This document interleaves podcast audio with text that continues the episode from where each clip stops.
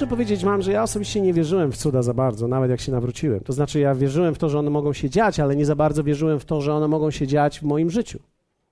Nie czułem się specjalnie godny, żeby jakiekolwiek cuda stawały się częścią mojego życia.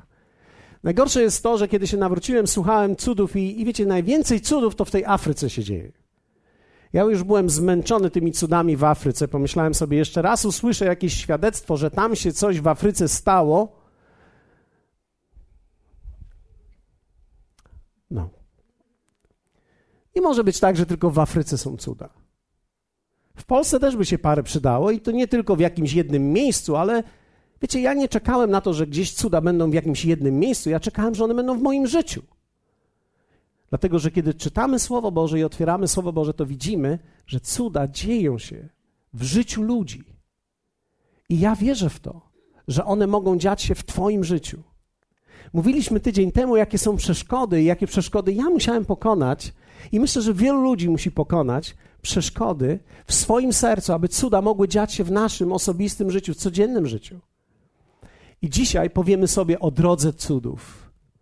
Dlatego, że wierzę w to, że również cuda się zmieniają i jest też podróż życia, którą mamy, i w tej podróży te cuda się dokonują. Jesteście gotowi? Przeczytamy ten fragment, który jest niesamowitym fragmentem z Księgi Sędziów, szóstego rozdziału, werset trzynasty. W tym czasie naród izraelski, który był w ziemi obiecanej, był pod presją, ponieważ był nieposłuszny Bogu, więc Bóg pozwolił, aby Midianici najeżdżali na nich. Więc naród był ograbiony, zniszczony i tak naprawdę był tam jeden człowiek, który się nazywał Gedeon i on miał sporo rzeczy Bogu do powiedzenia. Ja się straszliwie utożsamiam z nim czasami. Sędziów 6:13 mówi tak: A Gedeon rzekł do niego, do anioła, który mu się ukazał: Za pozwoleniem, panie mój, jeżeli pan jest z nami, to dlaczego spotkało nas to wszystko? Gdzież są wszystkie Jego cuda, o których opowiadali nam nasi ojcowie, mówiąc, czyż nie Pan wywiódł nas z Egiptu? Teraz, powiedzmy razem teraz. No bo chodzi o teraz. Nie chodzi wtedy, nie chodzi tylko o to, że gdzieś, chodzi o teraz. A teraz stan jest taki. Teraz zaś porzucił nas Pan i wydał nas w rękę Midianczyków. Kiedy mówiliśmy o cudach, powiedzieliśmy sobie, że cuda to nie są cudeńka. Nie chodzi nam o cudeńka. Nie chodzi nam o to, że nagle o, coś się pojawiło. Albo jakaś plama wyszła na ścianie. Ostatnio tutaj pracownicy wiercili z tamtej strony i biała plama wyszła. Ktoś się zamalował tutaj, ale biała plama wyszła na tej ścianie. I niektórzy przyszli z zespołu i domyślają się, cóż to za plama jest? Czyż Pan do nas mówi? Jaki kształt ma ta plama? Wszedłem na to, kiedy Wiecie, oni przyglądali się i myślą sobie, czy ona ma jakiś kształt Boży, czy to jest może anioł, a może jakaś osoba Boża, Boża, może, może święty Józef, albo, albo może ktoś. Co ta plama soli wychodząca z tej strony obrazuje? I musiałem pouczyć nasz zespół, że to nie był cud Boży, tylko plama robotników. My nie szukamy plamy dzisiaj, czegoś, co się nam objawi. Wiecie, czasami są piękne objawienia, czasami jedziemy samochodem i żona mówi: Popatrz na tą chmurę, co ci przypomina? Psa. Ona mówi: Nie, to anioł. No, może anioł. Wygląda jak twarz Boża. Nie, to pies jest. No i oczywiście każdy z nas może wtedy rozpocząć swój własny kult w zależności od tego, co widzi. Ale kiedy mówimy o cudach Bożych, nie myślimy o plamach, o chmurach, o zjawiskach i o tym, że niektórzy mówią, coś trzasnęło. Ciekawe, kto mieszkał w tym domu przed nami.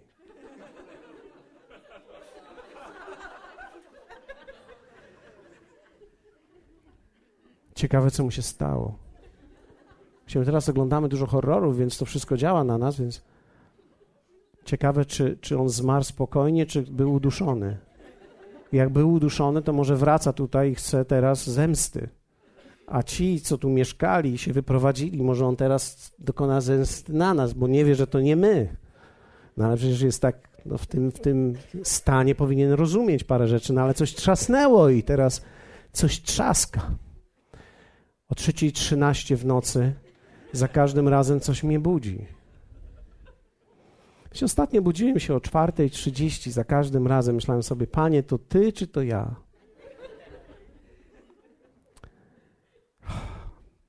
I oczywiście my nadajemy czasami duchową interpretację tym rzeczom.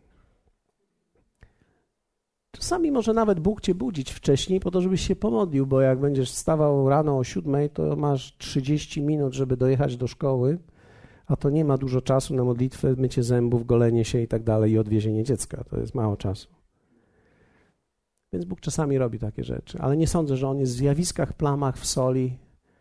Myślę, że czasami niektóre rzeczy my próbujemy interpretować, że Bóg nam powiedział, ale to nie o te cuda mi chodzi, bo jeśli chodzi o te cuda, to ja znajdę takich ludzi, którzy wierzą w takie i którzy takich doświadczają. Bo wiecie, kiedy człowiek się nastawi, to we wszystkim może coś zobaczyć też.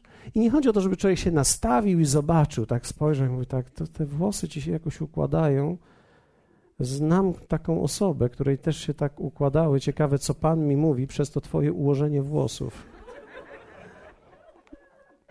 Ja osobiście bałem się takich ludzi zawsze. Myślałem sobie, że tacy ludzie no, mnie irytowali, bo ta, mieli taki rodzaj duchowości, który ja nie rozumiałem i którego ja nie widziałem w Słowie Bożym. Apostołowie nie biegali od plamy do plamy, nie biegali od jednego miejsca do drugiego miejsca. Pamiętam, studiowałem kiedyś w Słupsku i pamiętam któregoś dnia ktoś powiedział krew z krzyża. Pamiętam, wtedy nawet pisali o tym w gazetach. Ponieważ studiowałem wtedy słupską matematykę, e, poszedłem zobaczyć jako matematyk, jak ta krew wygląda. Popatrzyłem na to, że rzeczywiście jest plama. Później po kilku tygodniach określili i powiedzieli, że to była żywica, która wyszła. No ale no wyszła na krzyżu, więc to jest jakiś symbol, to może być jakiś znak dla kogoś, wiecie. Ale ja nie mówię o takich cudach. Ja myślę o, ja, ja myślę o cudach, praktycznych. Dlatego, że ja wierzę w to, że kiedy Bóg chce przyjść do naszego życia, On chce naprawdę nam pomóc. On nie chce nam się pokazać na zasadzie, uuu, naprawdę istnieje. On chce przyjść do nas i pomóc nam, dlatego że mamy normalne życie. On chce pomóc nam w naszej pracy. Potrzebujemy cudów i Boga cudów w naszej pracy. Czasami potrzebujemy Go w różnych sytuacjach tej pracy. Potrzebujemy, żeby nam pomógł rozwiązać jakiś problem. Czasami w szkole mamy problem z kimś.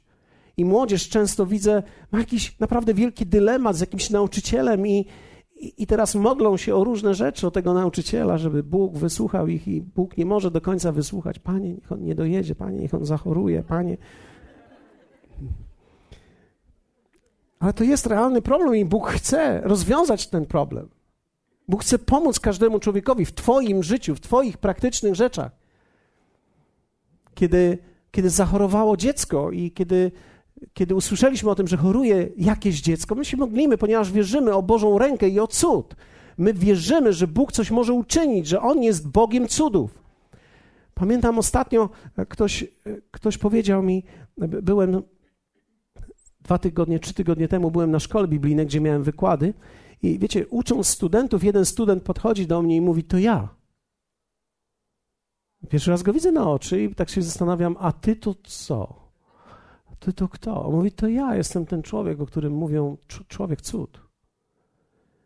I wiecie, okazuje się, że on miał raka, który był wylewający się tak, że musiał brać dodatkową, dodatkowy rozmiar koszuli, kilkukrotnie większy. I przyszedł na szkołę biblijną, pomyślał sobie, o zostały mi ostatnie miesiące życia, chociaż spędzę je razem z Bogiem. I przyszedł na szkołę i słuchał tego pastora, który tam jest, Andrew Łomaka, i słuchał na temat cudów i ingerencji Bożej. I siedzi sobie na tych wykładach, siedzi sobie na wykładach i nagle zobaczył, że koszula mu spadła. Spadła tak jakby na ciało. I nagle się zorientował, że tylko słuchając słowa, i przyjmując słowo i wiarę, rak zniknął. Nie odpadł, zniknął. Koszula była za duża, a ciało, które było pofałdowane w naroślach, całkowicie zasklepione. Idealne ciało. Kilkanaście kilogramów raka zniknęło w jednej chwili. I on przyszedł do mnie i mówi: To ja. On myślał, że ja już słyszałem o tym, więc mówi: To ja. I wtedy ktoś podszedł do mnie: o, On jest tym, któremu rak zniknął niedawno. Jego żona stoi obok i płacze. I mówi: Przyszliśmy tutaj, żeby tak naprawdę zakończyło się jego życie. Ale Bóg nie chciał zakończyć jego życia. Bóg dotknął jego życia. I wiecie, ja myślę, że to jest praktyczny cud. Ja myślę, że to jest praktyczny cud, kiedy człowiek się zwija i myśli sobie, to już jest koniec, więc ostatnie chwile poświęcę Bogu. I nagle Bóg mówi, to nie są Twoje ostatnie chwile, bo ja jestem Bogiem cudów. Słowo Boże mówi, że Jezus jest taki sam wczoraj, dziś i na wieki. Wiecie, my nie świętujemy i nie śpiewamy dla Jezusa, który był kiedyś. My świętujemy i wielbimy Jezusa, który jest dzisiaj, takim samym Jezusem, realnym, tutaj, w tym miejscu. Ktoś może powiedzieć, gdzie? Gdzie On jest? Tu jest. Tylko nie uciekaj. On jest ten sam. A więc mówimy o cudach, które są tak naprawdę poskładaniem okoliczności w pożądany efekt, gdzie czasami to jest jak, wygląda jak przypadek. Przypadkowo czasami kogoś spotkasz, albo przypadkowo coś się stanie. Pamiętacie to, jak Jezus zapłacił podatek za siebie i za Piotra? Powiedział do Piotra: i złów tą rybę, jakąś rybę, i pierwszą, którą złowisz, otwórz jej pyszczek, a tam będzie złoto, i to dasz złoto za mnie i za siebie. Myślę sobie, jaki to jest genialny sposób na płacenie podatków. Dla nas, ludzi, którzy mieszkają nad morzem, dla nas, ludzi, którzy mamy niedaleko do jeziora Jamno, Wyobrażacie sobie, możemy tam po prostu pójść na przystań i pomyśleć sobie, to, to są nasze podatki tutaj. Tutaj jest rozwiązanie naszych podatków, tutaj jest rozwiązanie naszego biznesu. Ja myślę, że Jezus jest niesamowity w czynieniu tego typu cudów, zbiegów okoliczności. Pamiętam ludzie, którzy są cyniczni, którzy e, mają taką, wiecie, intelektualizm przez, przeniknął ich umysł i mówią tak, ja w nic więcej nie wierzę, jak tylko w to, co widzę. No to nie jest tak do końca, jak się tak dobrze pomyślimy, ale są tacy ludzie, którzy tak mówią, że ja w nic nie wierzę, jak nie zobaczę, to, to nie uwierzę. Okazuje się, że tak naprawdę można w ten sposób odpychać Boże działanie ze swojego życia. Bo Bóg pragnie nie tylko, żebyś powiedział, no to w takim razie ja już nic nie muszę widzieć i ja będę wierzył. E, tu nie chodzi o ślepotę. Tu chodzi o zaufanie. Nie chodzi o to, żebyś nagle pozbył się wszelkich cech obronnych, ale żebyś przestał być cyniczny względem Boga i Jego słowa. Abyś pomyślał sobie, być może jest coś w tym. Mówimy również, kiedy mówimy o cudach, o ingerencji Bożej działających wbrew naturalnym prawom. Kiedyś pamiętam, jechałem na denaturacie i ktoś może powiedzieć: Jechałeś samochodem na denaturacie? Jechałem. Nie, nie wiem do końca, jak to działa, ale odpalił i dojechałem. Ktoś może powiedzieć: Na pewno tam było troszkę paliwa jeszcze i dojechałeś. Okej. Okay. Dobrze. Ale dlaczego samochód zgasł mi, jak dojechałem na miejsce i już stamtąd nie ruszył? Jak to jest możliwe, że Bóg dowiezie cię co do metra do tego miejsca? A, no to też jest przypadek, bo okej, okay. więc mnie nie wybudzaj. Ja chcę takich przypadków. Ja chcę takie przypadki. Ja pragnę tych przypadków. I teraz, jakie cuda, wiecie, o jakich cudach dzisiaj będziemy mówili? Gedeon powiedział tak: Gdzież są te jego cuda, o których opowiadali nam ojcowie? Powiedzmy razem ojcowie. No my nie mamy akurat, większość z nas nie ma ojców, którzy opowiadali nam o cudach, ale w Izraelu tak było. Izrael miał tradycję i każda tradycja mówiła o jakiejś Bożej ingerencji. Jest jedna piękna rzecz w Izraelu. Każdą tradycję, którą znajdziecie w Izraelu, ona była ustanowiona przez Boga, nie przez człowieka, do tego, aby objawiać coś, co Bóg zrobił. To znaczy, każda tradycja mówiła o czymś, więc z pokolenia w pokolenie trzymano i utrzymywano tradycje, które mówiły o Bożym działaniu. I Gedeon, jako jeden z Izraelitów, nasłuchał się tego od małego chłopca, ponieważ mając 12 lat musiał znać pięcioksiąg na pamięć pięć ksiąg mojżeszowych na pamięć. I on tam nasłuchał się, jaki to Bóg jest wielki i jak niesamowite rzeczy czynił. I teraz, ale on się znalazł w sytuacji, w której tego w ogóle nie widział, tylko o tym słyszał, więc mówi, gdzie to jest? Ja wielokrotnie byłem w takiej sytuacji, gdzie chciałem powiedzieć, no gdzie to wszystko jest? To wszystko, co w Afryce było i to wszystko. Bo, dlaczego? Bo ja, bo ty, bo my znajdujemy się w sytuacji życia często, w której potrzebujemy Bożej ingerencji. I popatrzmy na te cuda związane z drogą Izraela z Egiptu do ziemi obiecanej. Były trzy kategorie cudów. Powiedzmy razem trzy. Trzy kategorie cudów. I chciałbym, żebyście dzisiaj zwrócili na to uwagę bardzo uważnie, bo to pomoże Ci w Twoim życiu. Jestem przekonany, że to, co powiem dzisiaj, niektórych z Was przeniesie przez całe życie. Będziecie pamiętali to do końca życia. Pierwsze to są cuda. Pierwsza kategoria to są cuda wyzwolenia.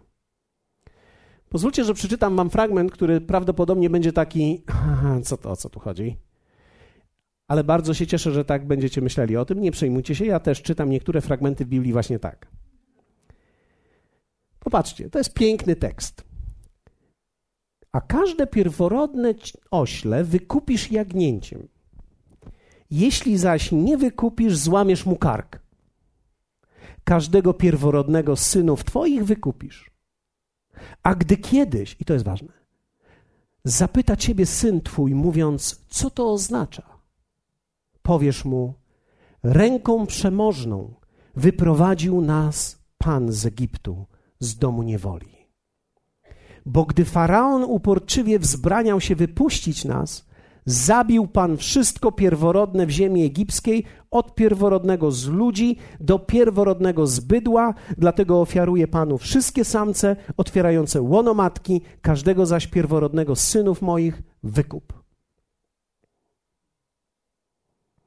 Tradycja była ustanowiona i ta tradycja była ustanowiona po to, że gdy kiedyś któryś z synów zapyta, co to oznacza, jeszcze Darek, że to dla ciebie dzisiaj jest też któregoś dnia twój syn zapyta: Tato, a o co chodzi z tym, co robicie? A ty wtedy powiesz: Wiesz, kiedyś, kiedy się urodziłeś, była taka sytuacja. I wtedy myśmy wierzyli Bogu i modlili się. I inni ludzie się dołączyli do tej modlitwy. I my nie wiemy, jak Bóg to zrobił.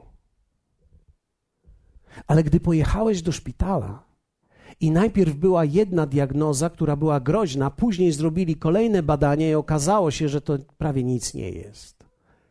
I to oznacza to, że Bóg zachował ciebie, że Bóg uratował ciebie. To był On, który to uczynił. Ręką przemożną, wiecie, to słowo ręką przemożną oznacza cud, bo to była ingerencja Boża, ręka przemożna, która dokonała tego. To był cud. I to są cuda w kategorii wyjścia, w kategorii wyzwolenia. Wiecie, kiedy naród izraelski miał wychodzić, wszystko z, z Egiptu, wszystko było złe i wszystko źle działo się tam.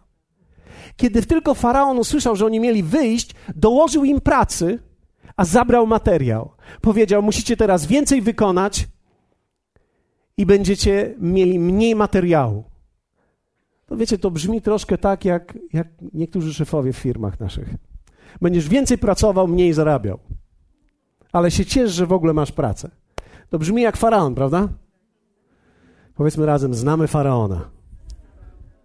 Może go znasz, faraona, albo nie znasz, ale, ale faraon taki był względem tych ludzi. Więcej cegieł. I później, kiedy naród miał wychodzić, Bóg dokonał niesamowitych cudów przez plagi które zsyłał na Egipt. I przychodził Mojżesz i za każdym razem mówił: Jeśli nas wypuścisz, to się to nie stanie, ale jeśli nas nie wypuścisz, to będą problemy. I wiecie, ciekawe jest to, że dla człowieka, który nie szuka Boga, cuda nie zmieniają nic. Człowiek, który nie szuka Boga, może widzieć cuda jeden za drugim i nic to nie zmieni w jego życiu. I to jest problem. Dlatego, że czasami nam się wydaje, że gdyby Bóg uczynił cud dla w życiu jakiegoś człowieka, to on prawdopodobnie by się nawrócił, albo on prawdopodobnie by otrzymał coś od Boga i on by zaczął służyć Bogu. Tak nie jest. Nie można i nie da się przekonać ludzi cudami. Duch Święty przekonuje ludzi. Ale są cuda wyzwolenia. Powiedzmy cuda wyzwolenia. Czy potrzebujemy cudów wyzwolenia? Tak. Wielokrotnie tak. Wielokrotnie tak się zaczyna nasza podróż z Bogiem. Nasza podróż z Bogiem rzadko kiedy zaczyna się, kiedy jest nam dobrze. Mam pracę, mam dzieci, mam coś tam, wszystko idzie dobrze, wspaniale. Dobrze. My wtedy nie szukamy Boga. Często ludzie zaczynają szukać Boga, gdy zaczyna się kryzys. Tak jest. I potrzebujemy cudów wyzwolenia. Potrzebujemy cudów wyzwolenia. Potrzebujemy cudów. I od czasu do czasu każdy z nas, nawet wierzący, będzie potrzebował cudów wyzwolenia. Ciekawą rzeczą jest w cudach wyzwolenia, że one mają swoją specyficzną drogę. W Ewangelii Marka pamiętacie Bartymeusza w Nowym Testamencie? Bartymeusz, ślepy żebrak? Ślepy żebrak siedział przy drodze. To jest bardzo interesujące, ponieważ ślepy żebrak oznaczało w tamtym czasie żebrak, który był usankcjonowany jako żebrak. Czyli to nie są ci ludzie, którzy czasami na parkingach u nas dzisiaj siedzą i zabierają i proszą nas o pieniądze. To, to był żebrak, który był usankcjonowany w państwie. Ty masz prawo żebrać w danym miejscu i to jest twoja budka, twój kiosk, twoje miejsce. I wiecie, od miejsca zależało, jak wiele ten człowiek wyżebrał i jak dobrze mu było. I nagle usłyszał, że Jezus przechodzi i potrzebował cudu wyzwolenia, potrzebował cudu uzdrowienia. On nie chciał tak żyć. I kiedy czytamy ten tekst, słyszymy, że kiedy Jezus z Nazaretu przechodził, on zaczął wołać i mówić: Jezusie, synu Dawida, zmiłuj się nade mną. Jezu, pomóż mi. Jezu potrzebuje pomocy. Jezus przechodził tamtędy, on zobaczył w swojej wyobraźni, że jest nadchodząca pomoc, że ona przeszła i zaczął wołać za nim. I werset 48 w tym fragmencie mówi tak: I gromiło go wielu, aby milczał. Wiecie, w cudach uwolnienia zawsze są przeciwności.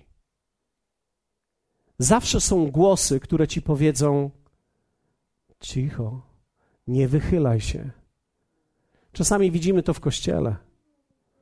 Czasami widzimy w kościele, gdy ktoś chce wołać, a obok siedzi człowiek, którym powie: Słuchaj, spokojnie. Wstydzimy się jeden drugiego. To są te głosy, te dźwięki, które przychodzą do naszego życia. Gromiło go wielu, aby milczał. Uwolnienie i cuda uwolnienia są na Twój głos i będą się działy przez Twój głos i Twoją determinację. Musisz umieć i być odważny, aby zawołać i powiedzieć: Panie, pomóż mi. Niektórzy myślą, że jak tak będę sobie po cichu siedział i po prostu Jezus, jeśli to jest Jezus, to po prostu On mnie znajdzie. Cuda uwolnienia takie nie są. Cuda uwolnienia są właśnie takie, że Ty zawołasz i powiesz: Jezu, pomóż mi. Powiedzmy razem: Jezu, pomóż mi. Tak jakbyś wołał do Niego, powiedz: Jezu, pomóż mi. Niektórzy mówią: Ale ja się tak niekomfortowo czuję, kiedy to mówię. Powiem Ci dlaczego. Bo nie boli Cię wystarczająco. Gdy będziesz zdesperowany, nie będzie Cię interesowało, co ludzie myślą. Zawołasz, być może nie w tłumie, być może nie w tłumie, ale nawet gdy będziesz w tłumie, ludzie, którzy są zdesperowani, tłum nie przeszkadza. I tam się rozpoczyna cud. Przez odwagę i zdolność przejścia przez tłum, on się zaczyna przebijać. Ktoś zawsze cię ucisza w tym tłumie. Głosy uspokajają. I trzeba sobie powiedzieć, cuda wyjścia są niesamowite. I cuda wyjścia są takie, ty tak naprawdę nic nie robisz, tylko wołasz, a on cię wyrywa z tego. Powiedzmy razem, cuda wyjścia. Ale są również też cuda w drodze. Bardzo ciekawe cuda są w drodze. Kiedy naród wyszedł w końcu, miał niesamowitą ilość cudów po drodze. Między innymi to były cuda zaopatrzenia. To były cuda manny. Wiecie, co oznacza słowo manna? Manna z nieba? Manna, gdy się pojawiła, oni nazwali ją manna, bo manna oznacza po hebrajsku, co to jest. Nie było, a jest. I teraz okazuje się, że tą mannę można było tylko zebrać na jeden dzień, na dwa już nie. Czyli są takie cuda w życiu, gdzie człowiek tylko ma na jeden dzień.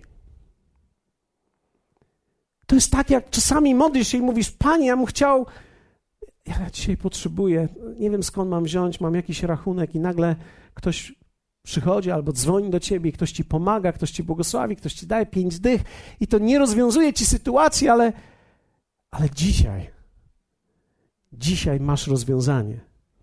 Wiecie, czasami ktoś przyjdzie i da ci 50 złotych. I to 50 złotych to nie jest coś, co ci pomoże na całe życie, ale na dzisiaj ci pomogło.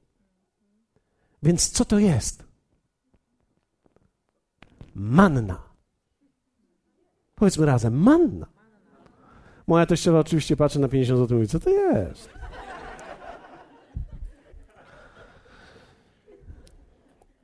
Któregoś dnia, jak pójdę do nieba, zapytam dlaczego Jezu uzdrowiłeś teściową Piotra? Ale rzeczywiście tak jest. Co to jest? To jest niesamowite, że ta manna pojawiała się, wiecie ile razy? 40 lat. 40 lat każdego dnia.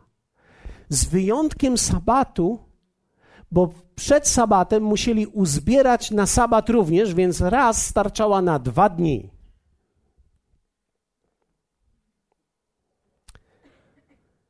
W drugiej Mojżeszowej czytamy taki fragment. Dom Izraela nazwał ten pokarm manną, a była ona jak ziarno kolendra, biała, miała smak placka z miodem.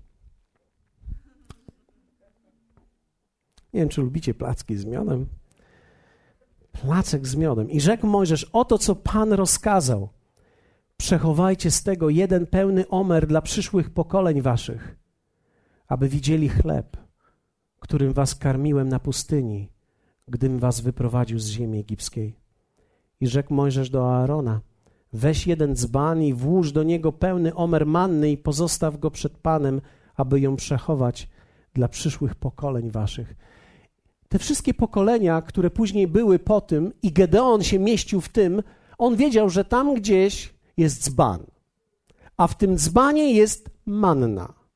I ta manna, która się normalnie psuła z dnia na dzień, przez wszystkie pokolenia nie zepsuła się i została w tym dzbanie, aby wszystkie inne pokolenia wiedziały, że Pan tak ich prowadził, że było wystarczająco każdego dnia.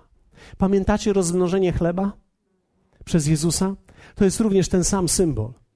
Wiecie, Jezus miał ryby i chleb. Niewiele tego było, ale z uczniami rozmnożył, rozmnożył to. I kiedy rozmnożył to, zebrali dwanaście koszów odpadów tych resztek, okruchów. Dlaczego? Bo Bóg chciał pokazać, że jest ciągle ten sam. Ta sama manna jest ciągle dostępna. I to były cuda zaopatrzenia. Kto z Was w życiu miał cuda zaopatrzenia na dziś? To w firmie, kiedy prowadzisz firmę, czasami tak może być. Mój Boże, nie mam na trzy miesiące zleceń, mam na ten miesiąc zlecenia. Nie wiem, jak przeżyję następny miesiąc, ale na ten miesiąc przeżyję. Co to jest? Manna. Powiedzmy razem manna. Głośniej, żebyśmy wszyscy słyszeli. Manna. Te zlecenie to manna.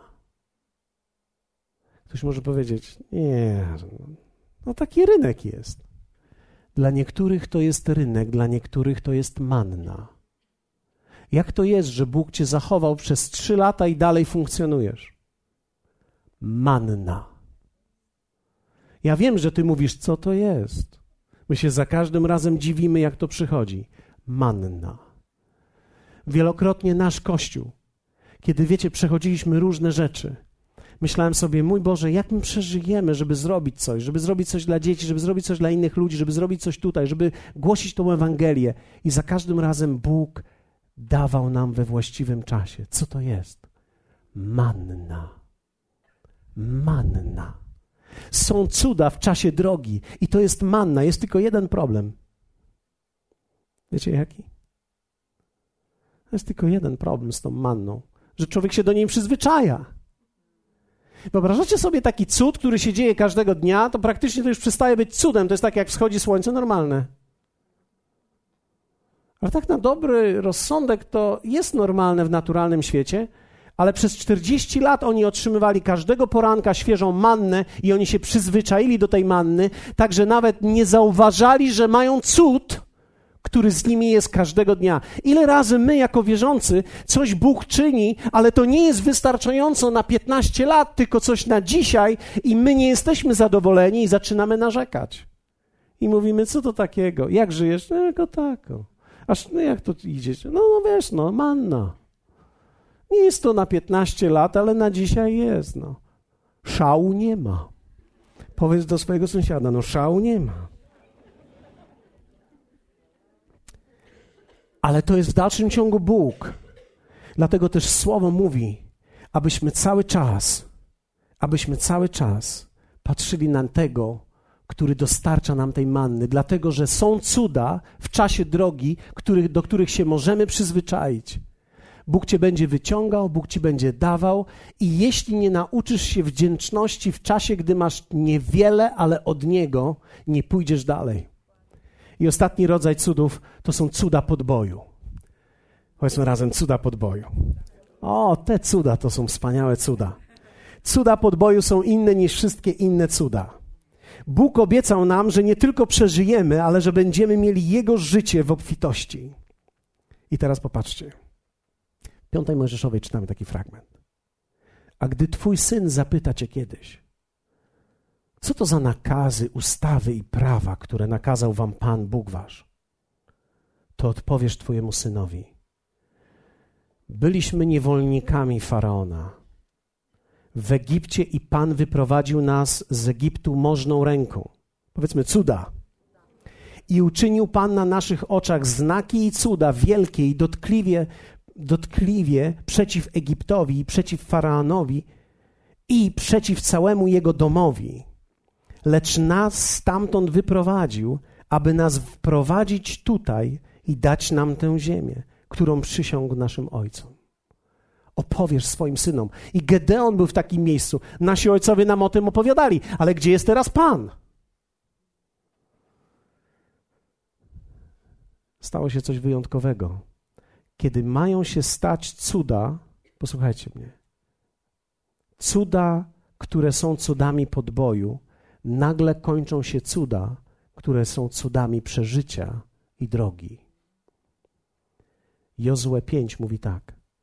Nazajutrz, nazajutrz, po święcie Paschy, jedli z płodów ziemi prześniki i prażone ziarno. A w tym właśnie dniu, gdy jedli z płodów ziemi, rano ustała manna i synowie izraelscy nie otrzymywali już manny lecz w tym roku jedli z plonów ziemi kananejskiej. Kiedy naród przeszedł drogę i wszedł już do ziemi obiecanej, jakiś rodzaj cudów się skończył. Wyobrażacie sobie zdziwienie? Coś się dzieje przez całe Twoje życie, i nagle jednego dnia już tego nie ma. Przychodzą takie momenty, kiedy Bóg kończy jakiś cud, który nas trzymał do jakiegoś momentu i wymaga od ciebie czegoś innego. Czego wymagało od nich wtedy? No teraz wy pójdziecie i będziecie siać i będziecie zbierać, bo do tego was powołałem. Już nie będę was więcej karmił manną. Już nie będziecie mieli tylko wystarczająco, ale teraz to wy zdecydujecie, jak wiele posiejecie i jak wiele zbierzecie. Więcej pracy? Tak. Więcej przemiany? Tak. Musieli oni zacząć siać i zbierać. Ty wprowadzisz ich nagle. Wiecie, to się wszystko zmienia. Pan prowadził ich przez całą pustynię, a nagle mówi do Jozuego: Ty wprowadzisz ich. Czyli nagle Twoja wiara. Wiecie, pamiętacie, są cuda w Nowym Testamencie, gdzie Jezus mówi: Bądź zdrowy. A są też cuda, gdzie Jezus mówi: Twoja wiara cię uzdrowiła. To są różne cuda. Musimy zobaczyć, że to są Ta sama osoba, ale różne cuda. Są cuda wyzwolenia, gdzie ktoś dokonuje tego na kimś. Ale są też cuda, cuda podboju, które człowiek dokonuje przez własną swoją wiarę. Najtrudniejsze jest to, że wielu ludzi, zobaczyłem, nie rozróżniają tych cudów i mają wielki problem z Bogiem, który nie działa tak, jak oni chcą. Dlatego, że tak naprawdę to my musimy zobaczyć, w jakim sezonie życia jesteśmy i jakie cuda potrzebujemy. Pozwólcie, że ostatnie zdanie powiem Wam następująco. Powstańmy razem. Na drodze z Panem zatem mamy cuda wyzwolenia, mamy cuda w drodze i mamy cuda podboju. Kiedy się one zmieniają, nie wiemy, co się dzieje, gdyż ich zmiana zaczyna się od tego, że coś się kończy i trzeba otworzyć zupełnie nowe. Niektórzy ludzie wtedy myślą, że Bóg ich opuścił. I wiecie, to jest to, co słyszę teraz, jak Duch Święty mówi do mnie. Są ludzie tutaj na tym miejscu, którzy myślą, że Bóg ich opuścił, bo już nie działa tak, jak kiedyś działał. Ale to nie jest prawdą. Bóg czeka na Twój ruch. Bóg czeka na to, co Ty zrobisz. Niektórzy są dzisiaj tutaj i być może jesteś w presji jakiejś. Jesteś jakby w niewoli i tak naprawdę Bóg czeka, kiedy to Ty zawołasz. Bo wtedy, kiedy Ty zawołasz, On Cię wyzwoli.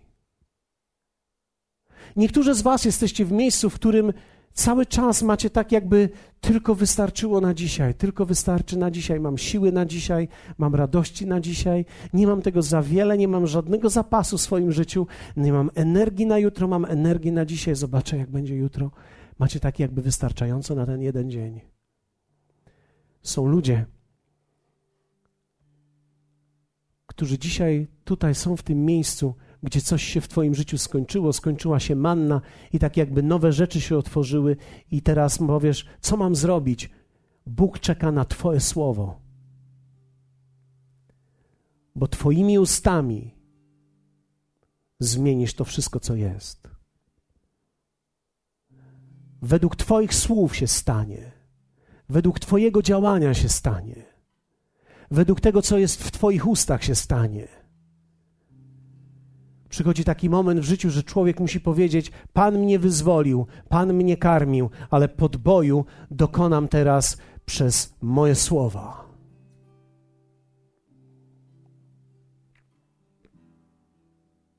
Dzisiaj będziemy wierzyli Bogu o cuda, ale będziemy również wierzyli Bogu o Ducha Świętego, który nas poprowadzi do objawienia, jaki cud potrzebujemy. Dlatego, że dzisiaj wśród nas są ludzie, którzy potrzebują różnych cudów. Dlaczego, dlaczego Gedeon był w takiej sytuacji, gdzie powiedział: Gdzie są te wszystkie cuda, o których słyszałem? Powiem Wam dlaczego. Bo on czekał na cud wyzwolenia, a Bóg miał dla niego cud podboju.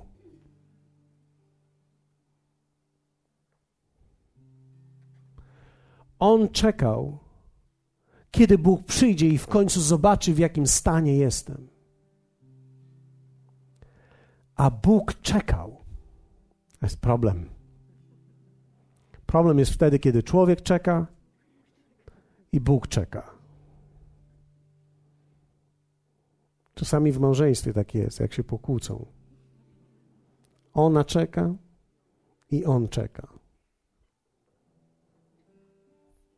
Ktoś musi przestać czekać. Ktoś musi być ten pierwszy. Anioł przyszedł i Gedeon powiedział: Gdzie są te wszystkie cuda? I wtedy anioł dał mu instrukcję. Gedeon nie wiedział, że sam będzie tym, który będzie wielkim bohaterem i będzie częścią swojego własnego cudu wyzwolenia. On tam siedział wystraszony. Mielił cokolwiek mielił. I mówił: Boże, czy ty nie widzisz? A w tym samym czasie Bóg czekał, kiedy on powstanie. I kiedy Bóg go poinstruował, zebrał ponad 30 tysięcy wojowników przeciwko 36-tysięcznej armii. Wtedy Bóg powiedział do niego: Za dużo. Po co ci aż tylu? Wszyscy, którzy się boją, niech wrócą do domu. 27 tysięcy wróciło do domu. A później Bóg powiedział do niego: Wszyscy, którzy nie będą pili wody w taki sposób, tylko w taki sposób, też ich wyślij do domu. I zostało mu 300. I wtedy Bóg powiedział: Wystarczy. Dlaczego? Bo Bóg nie potrzebuje wielu do swojego cudu podboju. Wystarczy tylko, że ktoś wyda dźwięk. W cudach podboju to są Twoje słowa. I kiedy Gedeon i pozostali zawołali, cała armia wystraszyła się i uciekła. Nie było w ogóle żadnej walki. Czasami wydaje nam się w życiu, że będziemy straszliwie walczyć. Nie. To wygląda groźnie, ale musisz powiedzieć słowa i kończy się wtedy walka. I jest podbój i jest zwycięstwo. Niektórzy z Was dzisiaj czekają do, na Boga, a Bóg czeka na Ciebie. Niektórzy z Was dzisiaj jesteście w sytuacji, gdzie potrzebujecie cudu wyzwolenia, i Bóg czeka, aż powiesz, wbrew tego, że są tu ludzie, że Ty zawołasz do Niego gdzieś w środku w, w sobie, wyjdziesz do modlitwy też i powiesz: Potrzebuję cudu, potrzebuję wyjść z tego miejsca, w którym dzisiaj jestem. Potrzebuję, jestem w sytuacji patowej, jest mi ciężko. Jeśli Bóg nie zadziała, nie wiem, jak sobie poradzę. Myślę, że potrzebujesz cudu wyzwolenia, i to jest w porządku. A niektórzy mówią, jak będę żył. A Pan chce ci powiedzieć, że On będzie chlebem dla ciebie każdego dnia i że On zaspokoi ciebie każdego dnia i że On będzie dla ciebie. On będzie miał mannę. Nie będziesz wiedział skąd to przychodzi, nie będziesz wiedział jak to przychodzi, ale będziesz każdego dnia miał to, czego potrzebujesz. Więc jeśli jesteś dzisiaj tutaj i chciałbyś tej modlitwy, za chwilę będziemy mieli tutaj kilka osób, które będą modliły się o ciebie. Poproszę może osoby tutaj do przodu już do modlitwy. Mamy kilka stanowisk modlitwy. Młodzież również tutaj może się modlić z przodu. Również te osoby, które są dzisiaj, oglądają nas, będziemy modlili się o Twoje życie, bez względu na to, jakiego cudu potrzebujesz, czy cudu wyzwolenia, czy potrzebujesz cudu podboju, bo coś się skończyło i nie wiesz, co masz zrobić. Być może martwisz się o swoją przyszłość i nie wiesz, jak to będzie. Bóg ma dla ciebie ten cud i będziemy wierzyli o niego. Powiem wam dlaczego, bo Bóg pomimo tych wszystkich iPadów, iPodów, iPhone'ów nie przestał działać. Pomimo wielkiego rozwoju różnych rzeczy, Bóg jest w dalszym ciągu zainteresowany Twoim życiem, Twoim małżeństwem, Twoim dzieckiem. Bóg jest tym, który dokona tego cudu. I On chce cały czas dokonywać tych cudów. Chwała Ci, Jezu.